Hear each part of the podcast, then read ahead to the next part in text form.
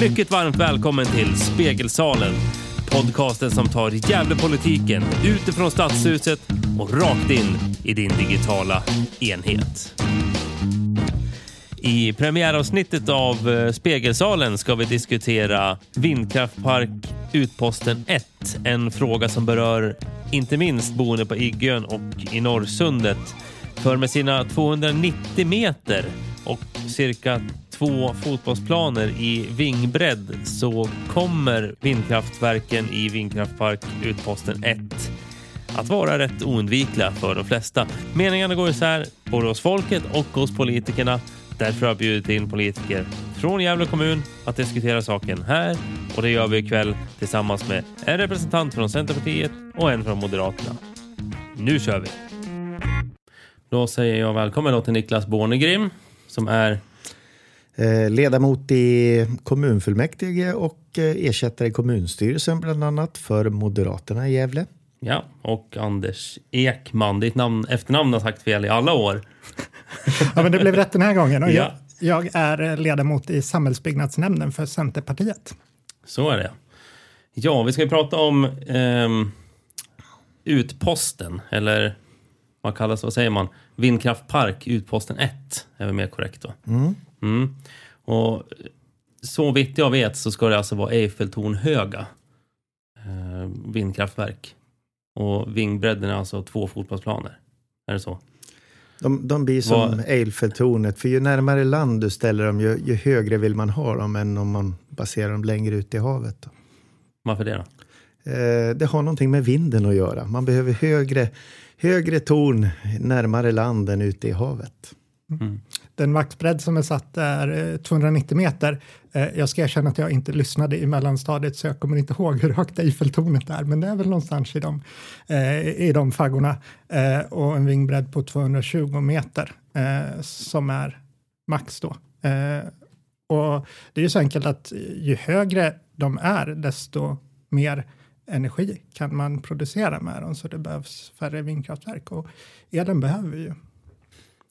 Ja, alltså du tänker så här, ju högre de är, är det så för att det blåser högre, eller mer då, ju högre man kommer? Är det Ja, så att det är mer och- konstant vind? Ja, precis. Och dessutom om du har större vingbredd så får Ja. du ju mer energi som passerar förbi. Ja, precis. Men den här energin då som produceras, hamnar den i Gävle kommun eller vad? Är det bara rätt ut till, Den- till, på marknaden, så att säga, elmarknaden, till för alla? Ja. Den, den ska väl gå ut på, på, på den allmänna marknaden som all annan el egentligen. Då, va?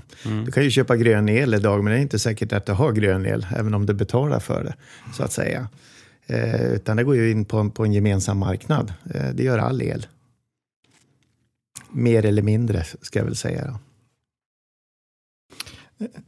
Ja, och där, där vill jag hålla med. Och jag tycker det är lustigt, för jag har hört många argument om var den här elen ska hamna. Som, eh, där Liberalerna till exempel i Gävle Dagblad häromdagen skrev att elen skulle inte kunna nå dit den behöver komma, för vi kan inte överföra den söderut. Medan jag har hört andra påstå att all el kommer hamna i Tyskland och inte i Sverige, så den gör ingen nytta.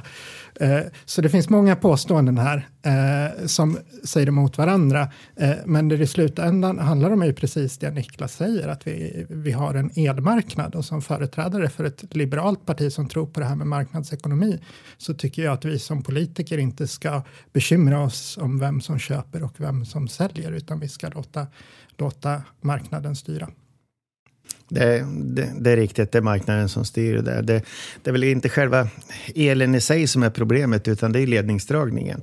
Det finns ju inga ledningar direkt ut till utposten 1, utan det, det måste göras någonting åt. Men det finns ju också en anledning varför de här IT-företagen som Microsoft som vi har nu då, sen har du Google närmare Avesta bland annat, Facebook som hoppade av här ute i Rörberg. Det finns en anledning eh, varför de ligger just här.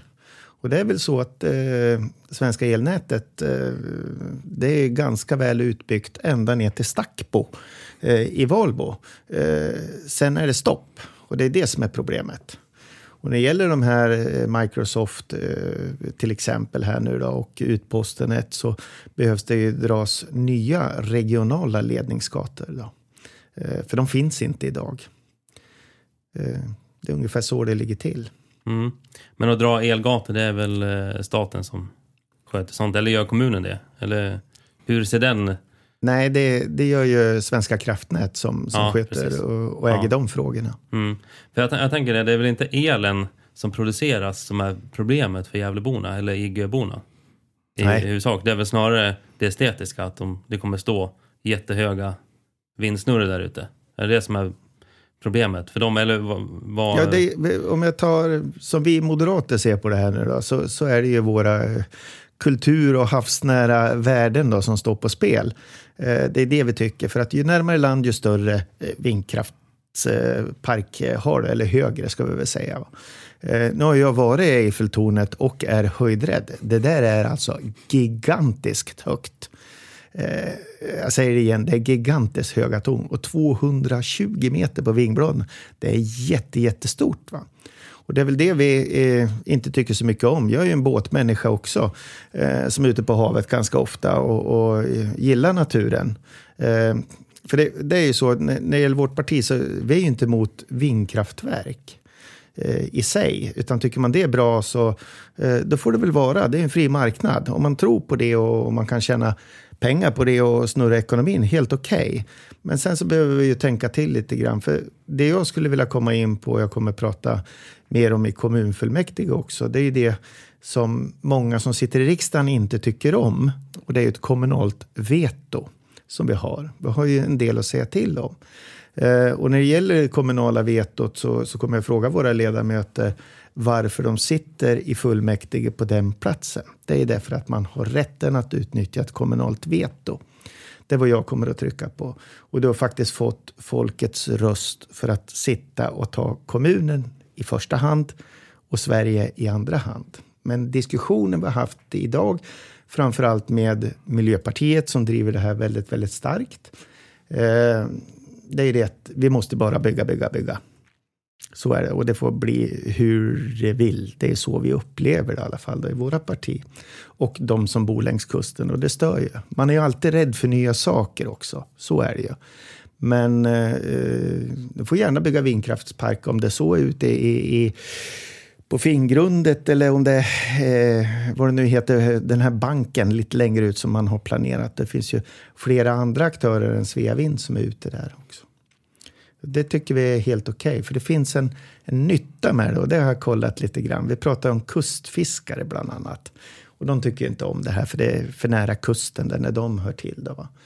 Eh, och eh, sen har vi ju ett annat fiskeri som är i Bottenviken idag och det är ju det att det är ju i princip helt utfiskat. Norrsundet är Sveriges största fiskehamn. Och man trålar längs hela bottnarna. Och så skickar man ner det där i långtradare, en massa långtradare varje dag, ner till Danmark och så gör man fiskpellets utav det där. Och så skickar man upp det till Norge och så matar man då den norska laxen som vi köper här nere på Ica och på Coop och hos fiskarna ibland också då, va? Med, som är matad med fisk som vi bara får äta en gång i veckan då, enligt EUs eh, rekommendationer. Då, va? Eh, bygger man ute i havet, längst där ute, då gör man en jättestor nytta, har jag kommit på. Och det är det att vi ser då att man lämnar fisken i fred där ute. Eh, de får nya lekplatser och vi kanske kan få igång fiskebeståndet ordentligt där ute i havet. Då. Eh, då vill jag bara avsluta och säga att det blir lite motsatt verkan att bygga inte kusten istället för att bygga där ute. Då. Mm, jag tänkte ställa en fråga till dig Anders också. Du, du som företräder Centerpartiet och ni som, som stoltserar väldigt mycket med att eh, vara liksom småföretagarnas eh, ska man säga, starke man i riksdagen. Så eh, hur ser ni då på det här med fiskerinäringen där ute i Norrsundet? Vi har ju de här eh, Bergmans, heter de så? Bergmans fisk? Ja. Bergmans fisk. Mm. Eh, jo, men vi har ju kämpat, eh, kämpat för det kustnära fisket, alltså det småskaliga, till skillnad från eh, bottentrålandet vi ser storskaligt i Östersjön. Eh, länge och vi har kämpat både, både i riksdagen och Europaparlamentet för det. Eh, Alltså att man ska... att, man ska, att, att det kustnära fisket ska få överleva och det måste ges ekonomiska förutsättningar för att kunna fortsätta. Ja, Eh. alltså genom... eh, Man, man ska inte få tråla så mycket då? Alltså är det? Till- till ska, exempel. Ja, för jag Eh. tänker på de här enorma trålarna som är ute i, ja. men på de stora ishaven och så här, då är det, ju- de drar ju upp enorma mängder. Ja. Är det det ni vill minska? Eh, eh, ja, i Östersjön specifikt. Ja. Eh, Så att det kustnära fisket kan förklara sig. Sedan finns det andra frågor som skarv och säl till exempel som är viktigt. Men om man tittar på effekten av utposten för det kustnära eh, fisket eh, så kommer man ju fortfarande kunna eh, fiska i det här området även efter att man byggt vindkraftverken. Du kommer inte kunna tråla, men du kommer kunna fiska. Eventuellt beroende på vilka skyddsanordningar man har för elkablarna så kanske man måste begränsa vilka typer av sänken man kan använda och det finns flera eh, sådana frågor som man behöver lösa i dialog med någon som fiskar. Eh, men det är inte så att det här på något sätt sätter stopp för det kustnära fisket. Eh. Jag, jag tänker så här, vore det inte bra egentligen om man kunna komma överens och, och, och se till att eh, det byggdes där ute i havet istället och, och, och lät bli det här. Eh, för då slår man ju två flugor i en smäll. Det är, det är lite grann av min tankesätt. Vi får lekplatserna för fisken, vi får bort de stora trålarna som inte kan tråla i de här områdena. Och det betyder då om fisken får leka där så får vi bättre fångster in vid kusten. Mm. Ja, Anders. Mm. Det här är inte en situation av typen antingen eller, utan det här är en situation av typen både och. Mm. Jag hoppas verkligen att man kommer kunna bygga längre ut också. Det finns som du säger många planer på det. Vi är inte säkra på att det kommer bli någonting av det, för de har inte kommit lika långt i prövningen. Försvaret kan fortfarande lägga in veton. Det kan vara så att, eh, att eh, Mark och miljödomstolen eh, säger nej. Du, du nämnde Fingrundet. Där skulle det till exempel eventuellt kunna vara problem med fåglarna. Det är ingenting jag vet, men det är sånt som man kommer upptäcka under resans gång så att säga. Så det finns inga garantier för att det där kommer bli av. Jag hoppas verkligen att det blir det, men vi behöver utposten också, för vi behöver den här elen om vi ska klara klimatutmaningen. Ja, men då vill jag bara flika in med en mm en liten sak. Jag tänkte just det här med elen då. Mm. För eh, det handlar alltså om 20 stycken vindkraftverk, är det så? Har jag eh, rätt eh, uppgifter? Tillståndet är utformat så att det finns ett maxtak på ja. 40, men i praktiken mm. så kommer det inte bli så många därför att eh, Nej. om man bygger dem så höga som man hoppas att de ska bli får de inte plats då, så det är ja. rimligare att det blir ungefär 20. Ja, men den installerade effekten skulle ändå vara ungefär 250 megawattimmar, va? Jag vet att det, det, blir ungefär en terawattimme per år, vilket ja. är i runda slängar eh, två tredjedelar av Gävle kommuns elkonsumtion. Mm. För jag tänker om man ställer det mot eh, kärnkraften så är det, då är det inte mycket. Det är hälften. Alltså jag tänker på eh, den installerade effekten då, på 250. Oskarshamn 1, som är, nu är det stängt då, mm, mm. Eh, hade ju en eh, installerad effekt på 470. Det är lite mer och det är, en reaktor. Mm. Då. Och då har vi stängt ner, eh, vad är det, Barsebäck va? Nej, inte Barsebäck. Jo, Barsebäck jo. har vi. Och, Precis. och Ringhals håller på ja. att stängas ner också. Eh, det, om man skulle bygga allt det som planeras i Gävleborg, eh, om det blir av så skulle det bli drygt en kärnkraftreaktor ungefär. Eh, och det vi har sett i expansionen av eh, förnybar eh, energi i Sverige är att vi bygger, om jag minns rätt, eh, en halv kärnkraftreaktor om året ungefär eh, ja. i ny förnybar elproduktion. Ja, och då tänk, eh. förnybar, då tänker du också vattenkraft? Eller räknar, eller? Vattenkraft bygger vi väldigt lite ja, nu, det, utan det, det, är gamla lagrar vi Jo, precis. Den, den är ju stabil ändå som den är. va? Ja. Jag tänker för just vindkraften är ju så fluktuerande. Att, ja, men som vi såg över jul nu då. Mm så var det ja, knappt någon eh, liksom effekt från vindkraften. Ja. Eh, det som är viktigt att komma ihåg där är att ja, landbaserad vindkraft eh, är ganska eh, instabil. det är svårt att bygga ett helt elsystem på det. Havsbaserad vindkraft är väldigt stabil. Det är ungefär 200 timmar per år som det blåser så pass dåligt att det inte blir någon ström. det är mindre än nio dagar man kan jämföra med en av reaktorerna i Ringhals som stod still i nio månader på grund av en säkerhetsincident. Men sedan vill jag återigen betona det här med marknaden. Att det är inte politiker som ska avgöra om det är kärnkraft eller vindkraft, utan politikerna ska sätta ramarna och spelreglerna säkerhetskrav, miljökrav och sedan så ska aktörerna tävla på marknaden att producera elen så billigt som möjligt. Ja, ja men är man inte inne där från politiken då och styr med elcertifikat nu då? Ja, det är man och det systemet Mm. är under Hur fri, är avveckling. ja, hur fri är marknaden då? då? Ja, eh, precis. Ja. Man, man bara får flika in lite Ja. grann där. För, eh, jag håller ju med om det du säger, det måste ju vara en fri marknad som, som styr det där. Eh, en politikers roll, eh, bör ju många i allmänheten veta, det är alltså en övergripande roll egentligen. Men det är många utav oss som sitter på olika ställen som har betydligt längre fingrar än så och inte förstår, utan man får faktiskt bita ifrån ibland och säga att du, nu sitter vi här och diskuterar och eh, du som politiker, du bestämmer inte exakt ända ner till skrivbordet vad som ska göras, utan du gör det övergripande. Och Ja, sen man är det våra tjänstemän. Ja. Det är många som har svårt att förstå det där. Eh, det var någonting jag skulle säga om, det var kärnkraften kom vi in på där. Men tappade tråden lite grann, det får man väl göra ibland. Ja, det får man absolut göra. Eh, jag tänker vi kan försöka inte prata så mycket kärnkraft. Det är lätt att komma in på det, för det är en brännhet fråga hela tiden. Det är som att den aldrig, som att den aldrig tar slut, den här frågan. Men du nämnde också någonting om det här med... Får, får jag säga en positiv sak om kärnkraften? Ja, Eh, vi vet idag med, med de reaktorer som man har tagit fram i Frankrike idag, vi har inte forskat och inte gjort någonting på länge, utan vi har bestämt oss för att lägga ner, vilket är ganska olyckligt, för vi har väldigt duktiga ingenjörer i det här landet. Eh, och det är det att vi, vi kan ju faktiskt plocka upp det där vi har kört ner i berg, berggrunden i Forsmark och köra ur 90 procent till och eh, ta bort, eh, jag vet inte, 60-70 procent av lagringstiden, bara på att använda de grejer som vi har bunkrat. Då. Det vore ju positivt. mm, Anders.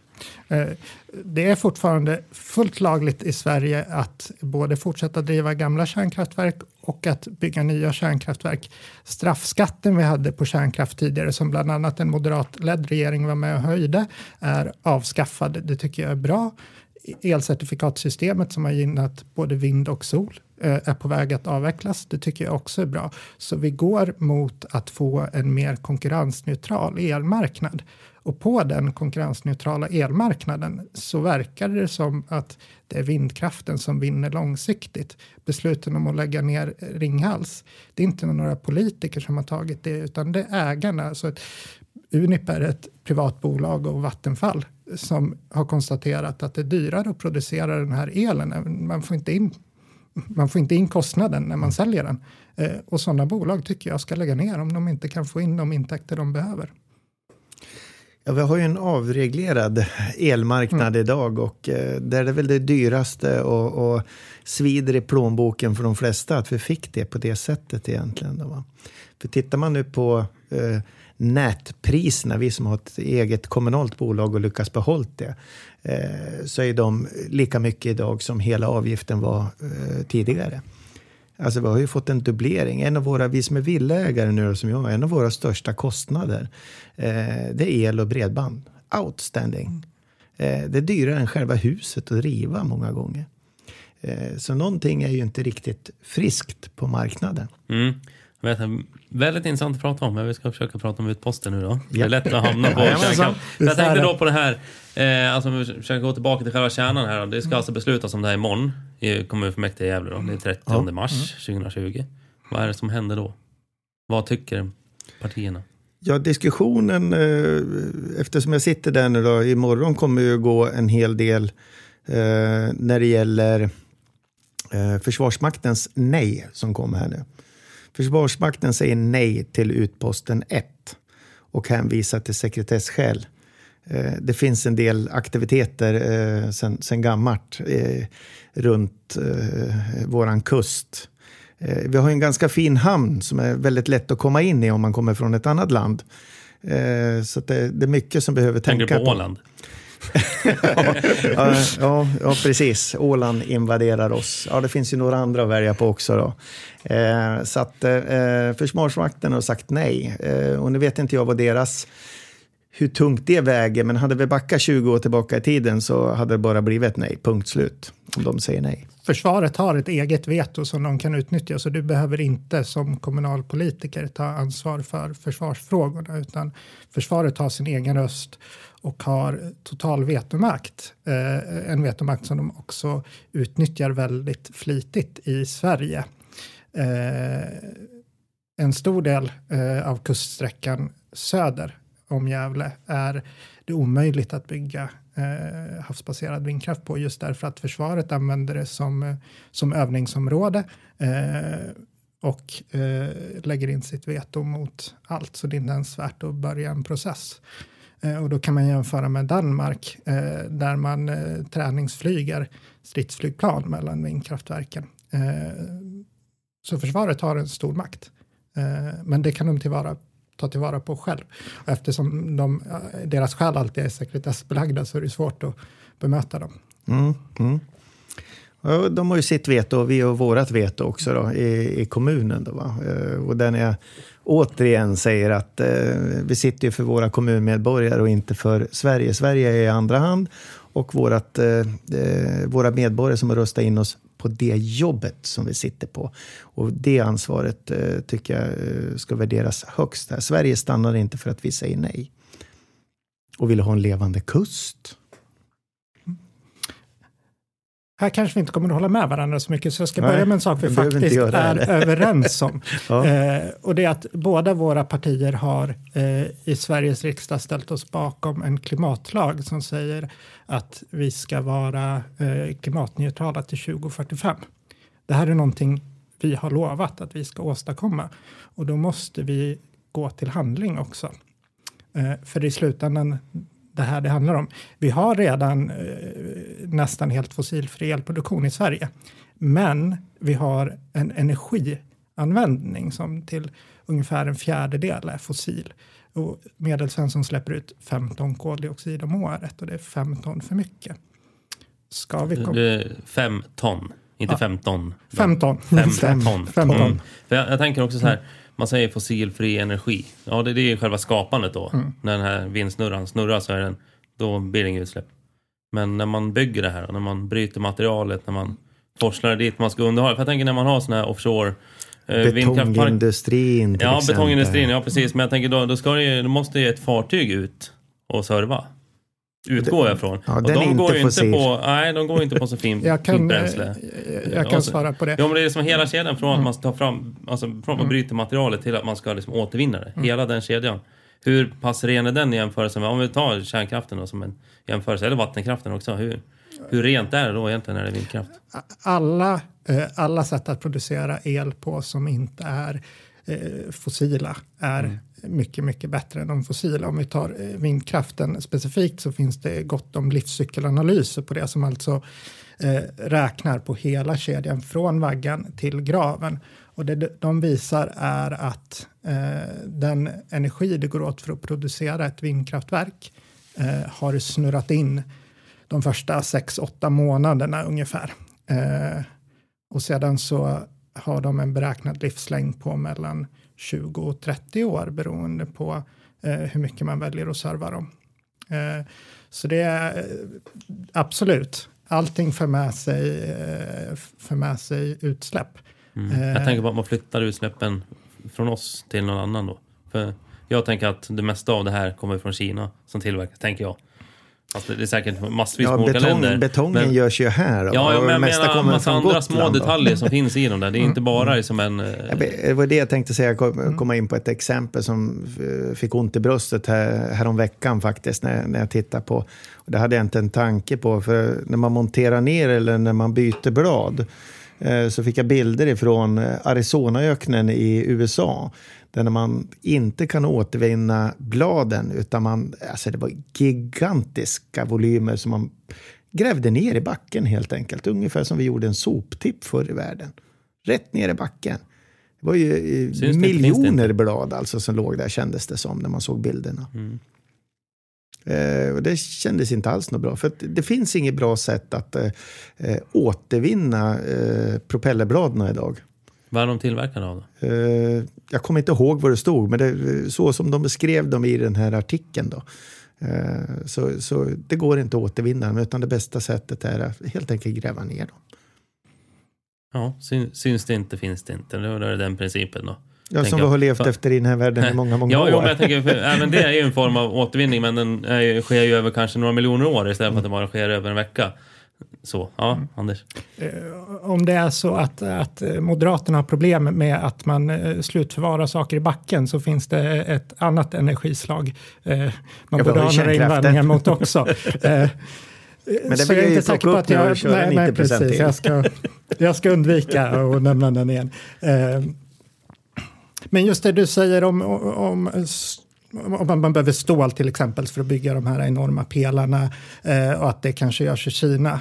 Eh, ja, det gör det kanske, men vi har också en svensk stålindustri. Eh, den enskilt största utsläpparen av växthusgaser i Sverige är SSAB.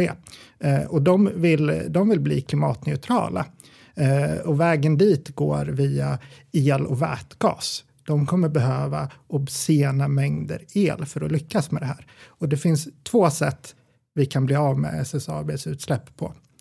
Antingen så ser vi till att de har tillgång till grön el till konkurrenskraftiga priser. Eller så kommer den stålproduktionen ske utomlands så de svenska jobben försvinner och produktionen äger rum någonstans där man kan släppa ut kol med en axelryckning istället. Ja, vi, vi, har ju ganska låga elpriser då till eh, våra företag och framförallt till de här stora företagen som ägs av staten som LKAB, SSAB och det är precis som du säger, eh, den största boven i hela det här koldioxidköret, det är ju staten själv. Men pålagorna med, med bonus malus och bilskatter och så där, det drabbar ju oss gemene man där ute. Nu vet ju du Anders att jag har jobbat under eh, sex år med, med fossilfria bränslen. Då, ganska väl insatt i det där. Va? Du får ju reklam också för din verksamhet. Ja, det får man göra i en podd. Va? Heja, heja, kolla vid ett oil i Norrsundet. jag jobbar inte kvar där längre, men, men eh, har, har ju följt den här marknaden väldigt, väldigt länge. Då. Eh, och jag, jag, tycker staten har inte varit, varit bra, utan Eh, man har piskat Svensson eh, ganska rejält att eh, man är en miljöbov. Och, och, alltså, Sverige står ju för 0,01 procent av alla utsläppen. Och vi håller på att köra ihjäl oss. Du tänker i, över hela världen? Ja. ja men jag tänker så här, nu hamnar vi där igen. För där har vi inga gränser. Ja, alltså, jag tänkte vi ska försöka avsluta det och ta ner det hit igen. Mm. Med att säga, fan, det var väl så här i svenska kärnkraftsprogrammet, i, alltså i, i begynnelsen så att säga, 30, 40, 50-talet. Att man skulle ha, alla skulle ha personligt kärnkraftverk hemma. Har jag hört någonstans. Jag vet inte om det stämmer. Det stämmer. Men, ja, för om, eh, eh vad heter de då i Borlänge, stålproducenten? Eh, vad heter, men det som du sa, S, eh, SSAB. SSAB som de heter. Ja. Um, Domnarvet. Om de skulle ha ett eget kärnkraftverk, då hade de ju inte haft något utsläpp. Och så har han haft 50 generationer, det var fortsatt forska på det, hade de kunnat Förstår du? Återvinna, återvinna. Men så, förstår du? Då hade det varit hyfsat neutralt. Ska vi försöka inte prata energifråga här då? Ja. Jag tänkte ta ner det till eh, ja, kommunfullmäktige igen då. Eh, när det har beslutats imorgon ja eller nej, eller för eller emot. Eh, vad händer då? Om, om kommunfullmäktige säger ja? I så fall så, eh, så går processen vidare i mark och eh, miljödomstolen eh, som då gör färdigt miljöprövningen av det här projektet där man tittar på sådana frågor som eh, hur fågel och djurliv påverkas. Och sedan så fattar eh, Mark och miljödomstolen ett beslut eh, baserat på den miljökonsekvensbeskrivning som är gjort.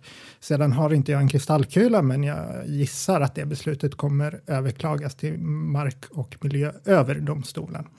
Eh, och sedan när hela den processen fått rullat i kanske jag vet inte, något år eller så, eh, så har vi ett avgörande och då kan man börja bygga.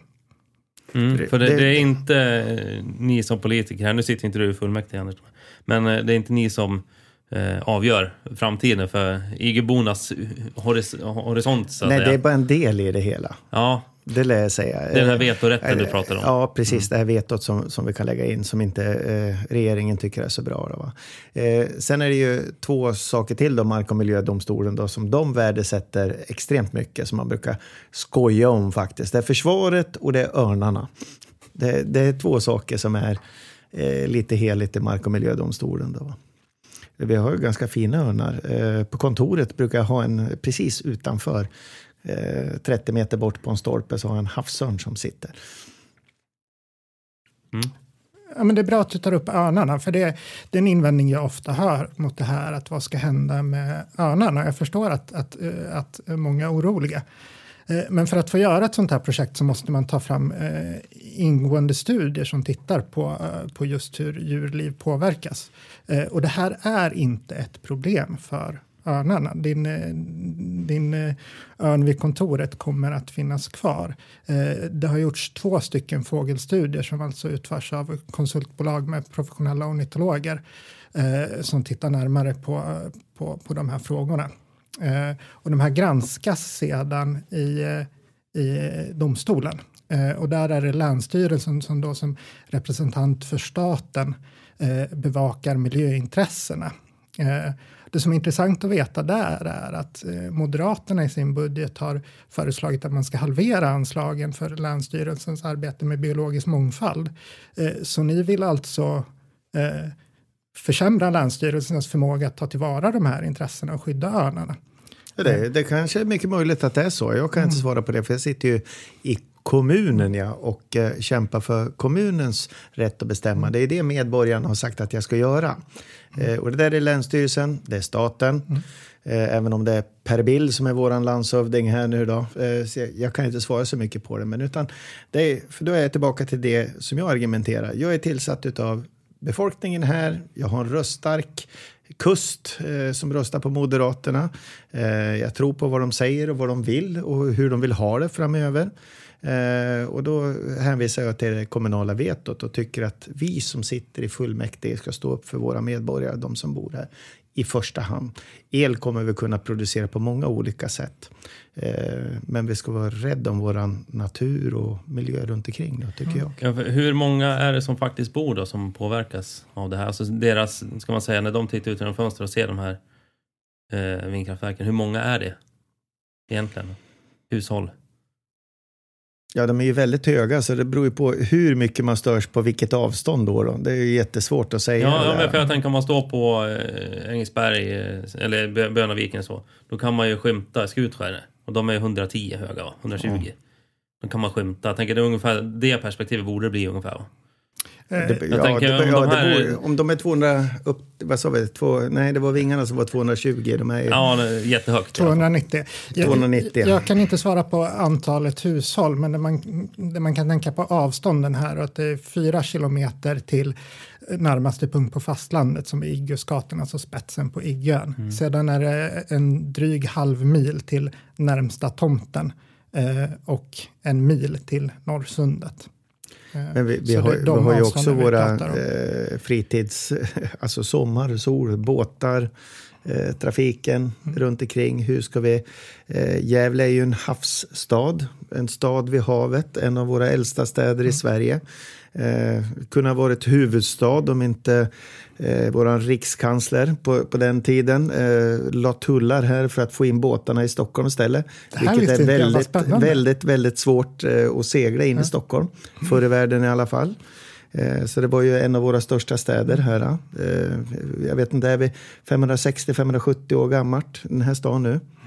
Eh, ja, jag vet att 96-97 så var det 550-årsjubileum. Det vet jag, för då var det ja. happenings på stan. Det var. Det var så jättemycket var, tårta. ballonger och grejer. Ja, tårta och sådär. Ja. Det var jag som höll i de flesta arrangemangen ja. åt, åt handlarna här i stan. Tack för tårtan. Jätte, jättemycket. Ja, du fick tårta. Det var, ja, det var bra. bra. Fika på stan. Men, ja. eh, och det är det jag menar, vi ska väl vårda eh, den kultur och den havsmiljö vi har. Vi har ju ett maritimt centrum som vi skulle ha byggt. Eh, finns inte med i miljöstrategiska programmet nu. Vad är det för Ett maritimt centrum, det är någonting som Peter Hansson och Hasse i sossarna här nu ja, då, har, mm. har drivit eh, mm. eh, ganska hårt att vi ska försöka få igång lite på båtvarvet och lite gamla skutor. Ja, det är Nyhamn på... Nyhamn, ja. I Nyhamn, ja. Precis. Mm. Ja. Eh, och det har jag suttit och läst en del om idag och det finns ju inte alls med i miljöstrategiska programmet överhuvudtaget. Den vi gärna vill ha in lite mer hav. För vi är en havsstad, alltid varit. Och där, de här vindkraftverken kommer inte vara ett problem för den kommer, kommersiella sjöfarten. Det finns en mm. riskanalys för den som är gjord, så det är inte ett problem.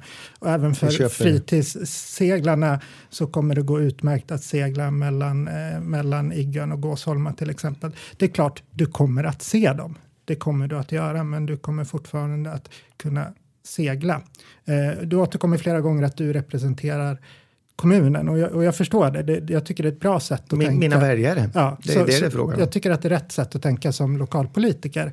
Eh, och det gör ju vi i Centerpartiet också. Och det vi har lovat våra väljare på alla nivåer, både nationellt, regionalt och kommunalt, är att vi ska ta klimatfrågan på allvar och vi ska göra allt vi kan för att lösa det här. Och vi har också sagt att det är vi som ska lösa det här. Det är inte någon annan någon annanstans. Det är inte en annan kommun, det är inte ett annat land, utan det är vi som ska göra det här och nu. Och därför kommer vi att rösta ja till det här projektet. Och ni är eniga i partiet? Vi, vi, har aldrig varit eniga om någonting i mitt parti. Vi har diskussioner om allt och det tycker jag är fantastiskt. Är ni eniga? I den här frågan så är vi väldigt eniga faktiskt. Eh, är vi. Eh, och det är vi inte alls i, alla frågor, långt ifrån. Vi ska ju prata om det. Kulturprogrammet också är en fråga lite senare i fullmäktige och där kan vi se att vi inte alls är eniga i partiet. Mm. Ja, precis. Det råder väl delade meningar om det. Jag tänkte faktiskt göra ett avsnitt om just kulturen. Den offentligt finansierade kulturen. Eh, jag tänker det, det sägs att det ska skapa lite jobb det här också. Utposten alltså. 200-300 under själva eh, uppbyggnaden. Tillfälligt då. Och sen ungefär eh, 30 per år i 25 år. Kommer det verkligen vara så? Kommer det vara så många?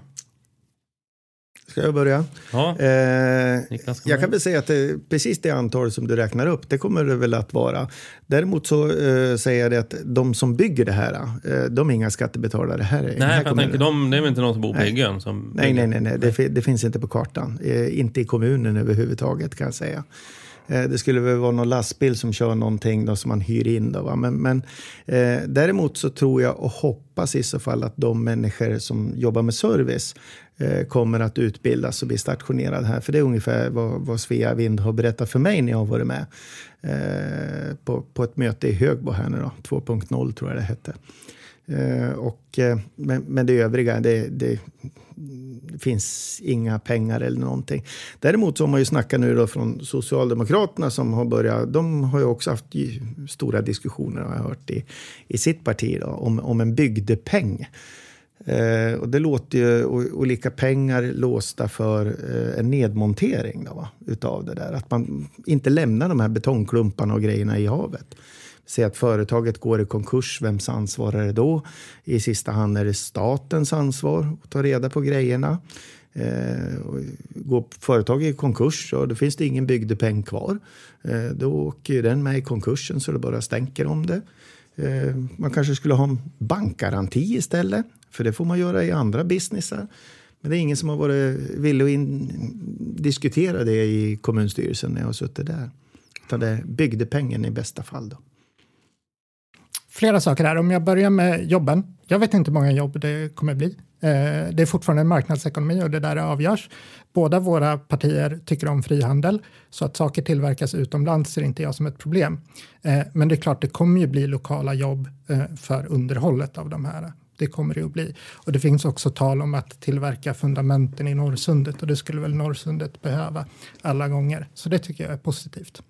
Eh, vad det gäller nedmontering eh, så eh, fonderar man medel för det i samband med att man bygger det. Så även om ägaren går omkull eh, så ska det finnas pengar till det och det ingår i domstolshandlingarna.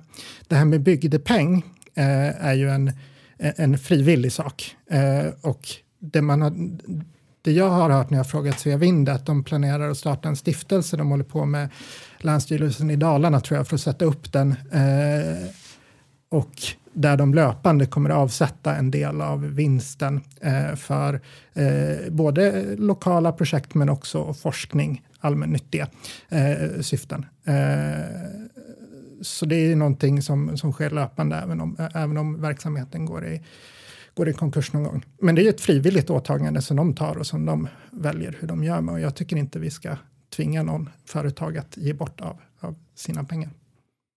Nej, eh, jag tänkte mer, för vi, vi pratar rätt mycket om om företaget går omkull och, och det inte finns där och vi, vi, vi står där en dag. Då, va? Eh, för när man ska göra många andra såna här saker som, som påverkar vårt samhälle, va? då eh, behöver man lämna någon form av bankgaranti, för det, det, är det enda riktiga. Det är väldigt, väldigt dyrt för företaget att göra det. Eh, men det är det enda som är reella pengar för att kunna ta reda på de här sakerna som kommer. Eh, bygdepeng eller stiftelser i all ära, eh, allting utav det kan försvinna eh, om man har otur. Eh, och sen är ju frågan om bygdepeng, kan man villkora det? Tveksam att det lagmässigt eh, är okej okay att göra det.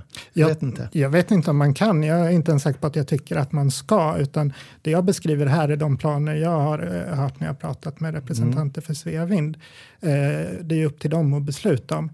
Men det är en separat fråga från det här med avvecklingen. För avvecklingen så, så kommer det finnas pengar undansatta på samma sätt som om vi ska ta det här andra energislaget vi inte ska prata om. Mm. Eh, så finns det ju pengar avsatta i SKB för att ta hand om bränslet. Eh, och på samma sätt så sätter man av pengar för att ta hand om vindkraftverken sen när man eh, när var, de var sätts de pengarna av? Då? För jag, jag menar, SKB är ju, det är ju Sverige, eh, så det är ju vi, vi själva som står för mm. det. I det här fallet så är det ju andra privata investerare. Jag vet inte exakt hur de pengarna sätts av eller vem det är som sitter och trycker på dem. Eh, men det, det finns med i domstolshandlingarna. För vi har ju mycket ute i havet eh, idag som är ett eh, riktigt stort sorgebarn sedan länge. Och det är våra fabriker som vi har haft efter kusten som har dumpat enorma mängder gifttunnor. Framförallt utanför Sundsvall här nu och som bit neråt också naturligtvis. Då som, eh, vi, vi, har en berömd riksdags-Twitter-ledamot som eh, strider om de här tunnorna och ingen vill prata om dem som det är just nu. Då. Eh, så att man måste kunna garantera på ett riktigt sätt allting vi gör, att du har ett ansvar och inte bara nu gick det inte längre. Jag lämnar. Det hände grejer på marknaden. Det skedde en vändning här. Folk ska helt plötsligt köra någonting helt annat. Nej, jag, håller, jag håller helt med dig att, att det är viktigt att verksamheter kan garantera det och även andra andra eh, potentiellt miljöfarliga verksamheter som om man fraktar olja med båt in till hamnen till exempel så, så är det klart att man ska ha pengar avsatta så att man kan betala i händelse av en olycka att bolaget inte bara går omkull då. Och precis den sortens garantier har vi här så jag tror inte, jag tror inte du behöver oroa dig. Mm. Mm, men så egentligen de här jobben, om man ska försöka göra någon form av sammanfattning, alltså då, det är inga jobb som kommer tillsättas så, så många som, kommer, som bor här i Gävle egentligen. Kan man säga. Det kommer inte under uppbyggnadsbasen tänker jag. Så då är det snarare entreprenader som får tillfällen att eh, leverera eh, varor. Blir det så att man bygger, eh, bygger fundamenten här eh, så så är det klart att det innebär jobb även under byggfasen. Sedan är det så att all verksamhet som etableras skapar ju förutsättningar för, för fler kringverksamheter. Så jag tror absolut att, eh, att det kommer skapas jobb. Eh, sedan vill inte jag sätta en siffra på det och jag tycker inte heller att det är vår roll som politiker mm. att sitta och överpröva företagsplaner baserat på hur många jobb det blir, utan det där tycker jag är en fråga för marknaden. Eh, de pratar ju mycket om jobb och sådär, men, men eh, som entreprenör i hela mitt liv, om jag skulle lägga en offert på, på gjuta eh, betongfundament där ute, eh, ja, då hade jag tagit en ambulerande betongfabrik. Jag hade sökt den billigaste betongen någonstans i Europa och jag hade tagit den billigaste arbetskraften jag bara kan, för det är en öppen och fri marknad. Eh, och så är det, och då, då kommer folk från, från andra ställen. Det, men den är inte emot i Moderaterna? Nej. Den öppna nej, bra. Nej, nej, nej. nej, nej men, men, man måste våga tala om vad det är frågan mm. om. Va? Det, det är liksom, eh, för, för säger ja det blir 300 jobb här, ja då mm. går man ut i Norrsund och så tror man att det här får jag. Härligt! Mm. Men det är inte som förr i världen. Eh, det funkar på ett annat sätt idag. Vi är duktiga på olika saker. Vi är duktiga på att göra stål i Sverige. Och förhoppningsvis så kanske det blir hyfsat fossilfritt i framtiden. Då. Tänkte på en annan sak också, det här med ljudnivån. Mm. Det pratas också mycket, det hör man ju annars när det pratas om vindkraftverk. Men jag har aldrig förstått vad det är som låter. För att det är ju bara ett bakgrundssus. Så. Och eh, riktvärde ska vara, det ska vara under 30, eh, 35 eller mindre. Decibel alltså pratar vi. Ja. Eh, jag gjorde så här, jag tog upp telefonen så laddade ner en decibelmätare. Den är inte exakt. Men om vi lägger den här så får vi se, bara på bordet här, så får vi se vad den ger. Ja, 30 ungefär. Och då låter telefonen lite grann, ljudkortet låter, datorn låter. 30. Eh, om man då tar det här, de här 30 decibelen här inne. Mm. Och så tar vi ut i naturen. Då är det ju ingenting. Då är det ju tyst. Jättesvårt att förstå. Jag, jag, jag kan inte avgöra någonting i alla fall. Nej, men jag, jag tänker alltså adderar du 35 decibel brus ute. Det hör du inte. Inte om du bor vid kusten. För att du hör ju havet hela tiden och träden och, och det är fåglar och allt det där. Anders vill säga någonting då? Den gräns eh, som, eh, som ligger juridiskt är 40 decibel eh, och det gäller eh, på någons tomt. Och det har gjorts eh, ljudsimuleringar och det verkar det som att man ska hålla. Om man inte tror på de simuleringarna så är det ändå så att den här gränsen på 40 decibel är, eh, är bindande. Låter det mer så får man helt enkelt skruva ner effekten på vindkraftverken tills de håller sig under då, nivån. Då kan jag bara säga att jag har ännu problem, mer, större problem med ljudet ute på köpes där jag bor, Volvo köpcentrum. Ja, du har ju E16. Ja, det är inte ja. den, utan det är fastighetsägarna, de danska, som vägrar lyda kommunen och till slut så lägger kommunen ner det fast vi har mätt. Eh, det är inte roligt. Det här låter de som kommer en inte längre fram. Vad intressant fråga vi borde prata mer De om sen. danska, vadå? Mm. Som är, vil- vilka danskar äger vad? Eh, äger gamla Ikea, det är där jag bor. Och då har man Ja, byggt... du bor bakom gamla Ja. Ikea alltså. Där man galne byggt- Gunnar låg. Ja, precis. Och eh, då har man byggt då för många, många år sedan så bygger man då ventilationsaggregatet så nära min tomtgräns som det bara går. Eh, fast de har en hel kåk och, och eh, ambulera runt på. Eh, vilket vi har klagat och de har byggt, eh, byggt för och byggt till flera gånger och till slut så har de tröttnat fastighetsägaren för det är fortfarande för höga ljudnivåer. Eh, och vi har haft riktigt avancerade instrument för min granne jobbar med sånt här åt ett privat företag innan han gick i pension och eh, vi, vi, vi kommer ingen längre med De skiter i det helt enkelt. Det där är intressant. Det där, måste vi, det, det, det där ska jag följa upp sen. Det låter som det Mm. borde vara en fråga för Livsmiljö Gävle och titta närmare Ja, på. de har hållit på jättemycket men till slut så där, de svarar inte på breven en gång. Det Eh, ja, då får man väl det åka dit och stänga av det då. Spännande. Men, men Mm. 40 decibel i alla fall, eh, det är ungefär som ett kylskåp. Eh, Ja, och jag tänker och man det ska plocka inte- ut det där kylskåpet Ja. i naturen. Ja. Då får man eh, liksom, då kommer det försvinna i det ljud som redan ja, finns. det, det blåser ju, när det blir 40 decibel, alltså då, då blåser det ju rejält ute också. Så det är oklart om man kommer uppfatta de där ljuden så mycket. Eh, Men natur- har det varit en stor diskussion då? Jag upplever inte så. Bland de boende så finns det oro för ljudet och jag förstår att, att man är orolig men jag tror att det kommer bli bra i slutändan. Jag skulle vara mer orolig, eller orolig, jag skulle vara mer störd på det här blinkandet ja, från lampor ovanpå. För då kommer de blinka otakt allihopa. Så blink, blink, blink, blink överallt här. Och så står det 40 stycken sådana. Det, det, det måste vara störande tycker jag. Att ha från köksfönster rätt ut. Alltså, jag har 40 lampor som blinkar. Jag håller Ja, med dig. ja, det är- jag håller med dig. Ja. Det har jag inte ens tänkt på. Eh, om man tittar, vi har ju många, det är alltså för, för flygets skull man behöver ha Ja, visst. lampor Ja, på de här. Och de, de, de blinkar inte alltså, så hastigt. Det finns ju många parker byggda man kan titta på. Det finns också fotostudier gjorda. Eh, och jag förstår att, att människor blir lite nervösa när de inser att de här ljusen kommer vara där. Men en del har hävdat att det här kommer bli som att ha en nöjespark utanför fönstret eller något sånt. Och riktigt så, det? Riktigt så är det ju inte. Eh, så jag tror att när det här väl finns på plats eh, så kommer det bli eh, mycket, mycket bättre än vad många tror. Mm. Sen har vi ju någonting annat också när det gäller det här nu då. Eh, som jag vet att det är fler personer i min, min omgivning som har diskuterat. Och det, är, ju- det är ju priserna på el. Nu har vi ju en extremt mild vinter. Eh, vilket gör att elpriserna har ju rakat i, i, i botten. När vi inte har gjort av med någon energi.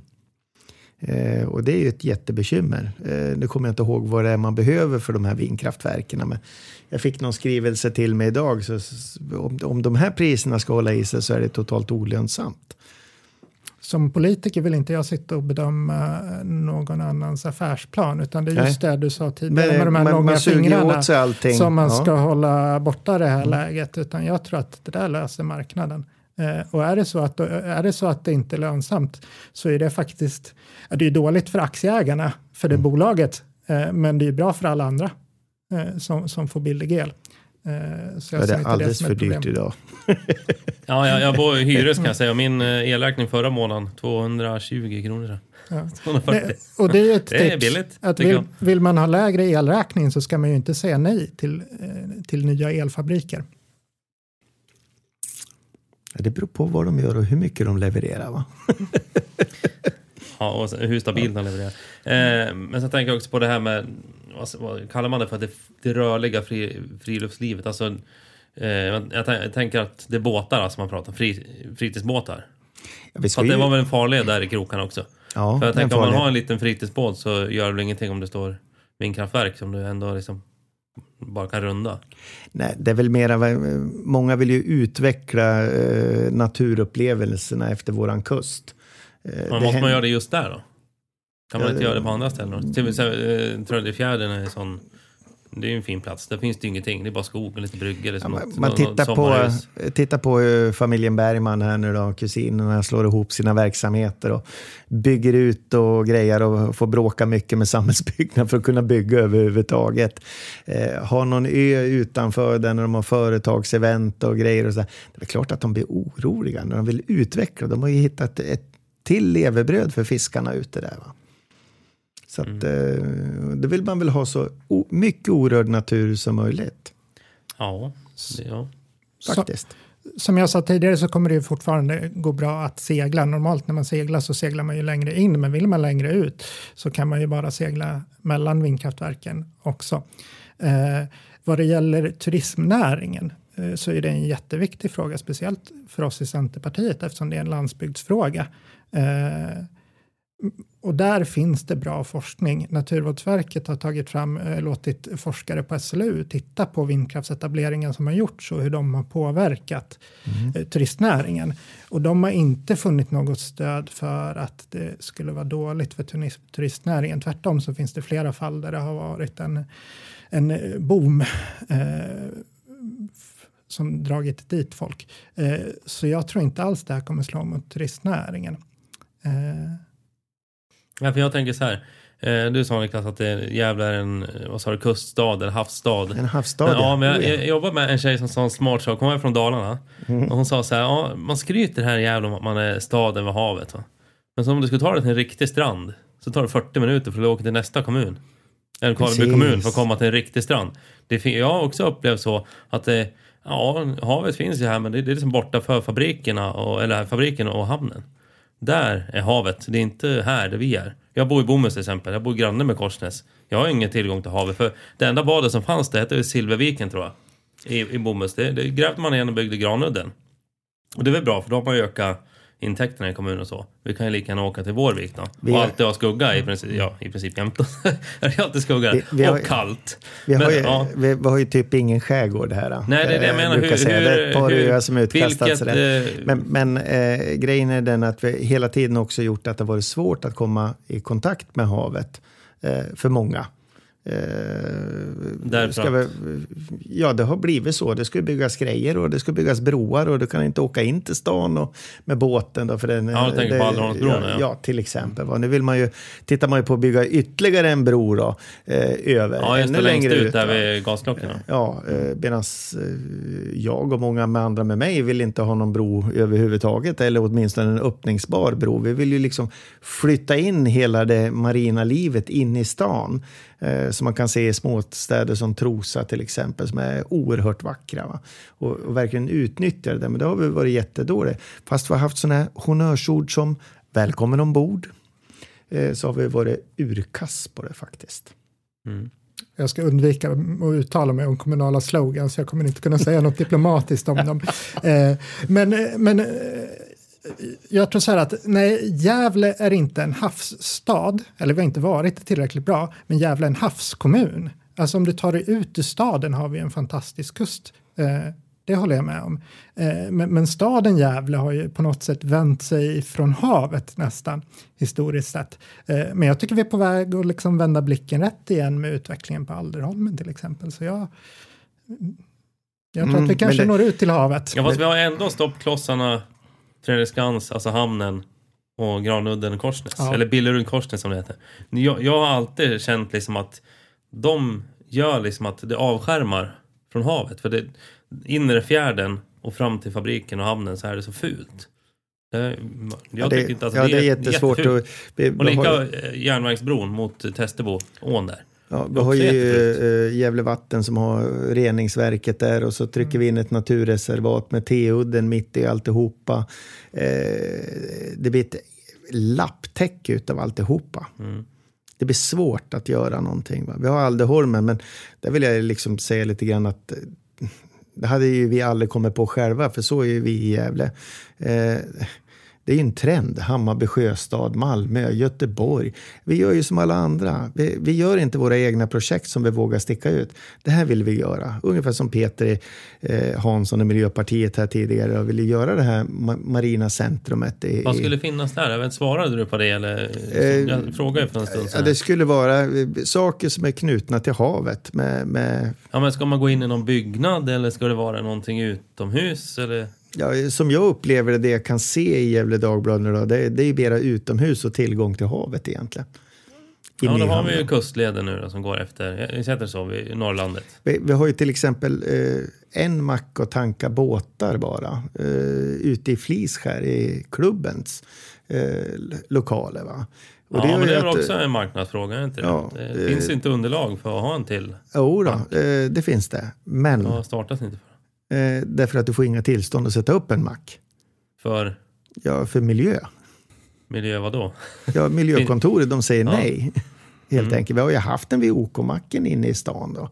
Vid Alderholmsbron där. Mm. Men den är ju borta. Det som är på havssidan så att säga. Mm. Men själva macken är kvar. Mm. Eh, så att eh, man har ju liksom inte från kommunens sida underlättat och, vilja göra de här grejerna. Nej, men går inte det lite hand i hand med miljöstrategiska programmet också? Att eh, man ska minska på utsläppen och fritidsbåtar är väl en sån här sak som släpper ut mycket? Yes, det ja, är det. Precis, och då, då går man ju lite mot sig själv och man vill öka. Det finns bränslen. Det finns bränslen idag om man vill. Ja, det är klart det gör det. Var ja. kommer det ifrån då? då, eh, då Har du något exempel? Ja, ja, det, det, finns, det finns ju något som heter HVO-diesel. Sen så ja. kommer det ju en fossilfri bensin också nu då. Eh, som är på, på framtagande med, med stormkliv. Då, va?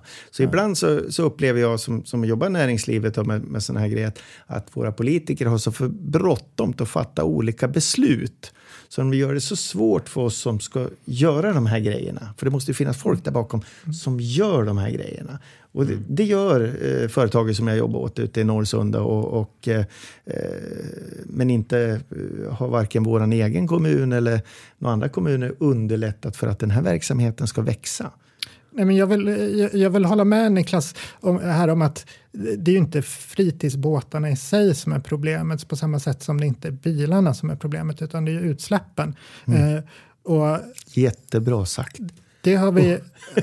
alltid drivit på för i Centerpartiet att, att företagen har ju en jätteviktig roll eh, i klimatomställningen i att det är de som ska leverera de tekniska lösningarna och ta fram de miljösmarta produkterna. Och där är ju Colabit Oil ett strålande exempel som jag känner att jag kan vara stolt över som Gävlebo att vi har det. Och jag, jag, ska bara säga en sak till eftersom jag jobbar i den här branschen. I november, december så kom brittiska forskare fram med en tillsats, ungefär som AdBlue och den tillsatsen gör att alla drivmedel, även om de är fossil eller fossilfria, ger i princip noll i utsläpp. Vad är detta för magi? Det ska visa dig sen. Här, så ska du få, Ett Obe Trollkarls eh, låda man kan köpa. Med. Och, och det, det, här gör ju då att, eh, då börjar man ju känna då, mm. så, varför har vi så bråttom att ta alla beslut istället för att leta efter de tekniska innovationerna och hjälpa dem på väg fram? Mångt och mycket. Och det, det tror jag vi, Anders, vi, vi är jätteöverens där, att få företagen att växa. Va? Men, men jag känner ju då i den här klimatomställningen, vilket jag är väldigt positiv och för, eh, och driver ganska hårt i, i, mitt eget parti också. Och vi, vi pratar mycket miljö i Moderaterna. Det kanske man inte tror historiskt, men vi gör faktiskt det. Det är inte bara skatter och försvar hela tiden, utan det, det är väldigt mycket de här frågorna också. Eh, och, och där måste våra företagare fram eh, helt enkelt. Därför att vi måste kunna ta oss fram om vi ska få det här samhället att växa. Det måste kunna komma, som, som Centern bråkar, från landet och in och ha råd att åka den här bilen in. Då, eh, jätteviktigt, för annars så stannar vår ekonomi. Mm. Jag, jag känner lite så här, eh, vi har snart pratat en timme. Eh, det, det, är svårt att hålla sig till, till just det som jag tänker om man ska titta på insändarsidorna i Gefle Dagblad och Arbetarbladet, vad folk verkar störa sig på. Det finns inte så mycket att diskutera om det, för att då tänker jag, då, då är det inte så stort problem egentligen, i alla fall inte politiskt sett. Är det, är det inget problem för det. Kommer kommunen tappa intäkter, kommer vi tappa invånare, kommer vi, kommer någonting liksom Kommer förtroendet sjunka för politikerna? Eller, alltså om, om det här byggs menar. Om vi bygger, om, om kommunen säger ja, eller röstar ja och eh, Mark och miljödomstolen säger ja. Eh, kommer liksom Gävle kommun bli en, ja, ett hemställe och, och, bo på liksom? Eller? Nej, det, det tror jag inte. Men däremot, Så då spelar det ingen roll egentligen? Eh, nej, men däremot så tror jag lite grann det här med, med eh, oss politiker, att vi får oss ytterligare en törn till i förtroendefrågan. Eh, Ja, fast vi har ju representativ demokrati. Mm. Så de kan ju inte göra annat än att skriva insändare och stå och gorma egentligen. Det, ja.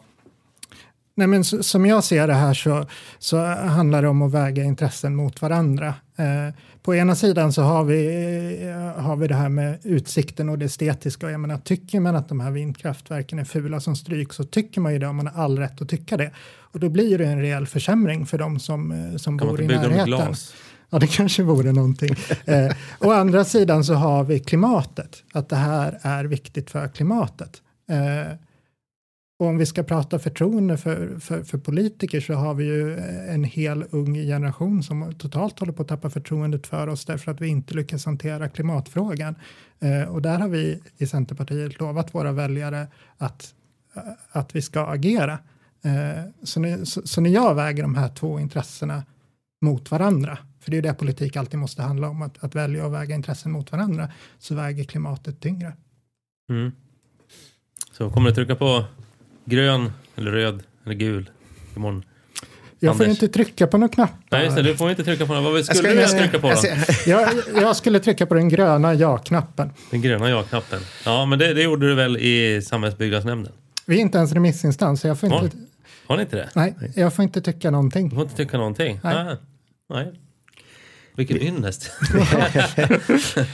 Vi, Ja, eh, vi kommer att trycka på, på eh, den eh, röda knappen. Eh, och det är precis så att det hänger lite grann på, på gärdsgården, ska vi säga, var, var det här tar vägen. Vi har ju Vänsterpartiet som har sagt ja. Liberalerna säger nej. Och det är också politiskt lite, oj då, här händer det grejer i majoriteten. Mm. Ja, det, är- det är då. lite I- spännande. Att, ja. ja. Eh, Så det, det är värt att, med tanke på deras insändare också då, så eh, vad, vad är det som händer där inne? Eh, Vänsterpartiet har ju den eh, rollen egentligen, eh, ja eller nej. Eh, det är ju det, det är de som har avvägningen så att säga. Då. Vågmästarrollen. Vågmästarrollen heter det där. Och de har ju sagt ja från vänstern hittills, medan man har sagt nej ifrån vänstern eh, på riksplanet.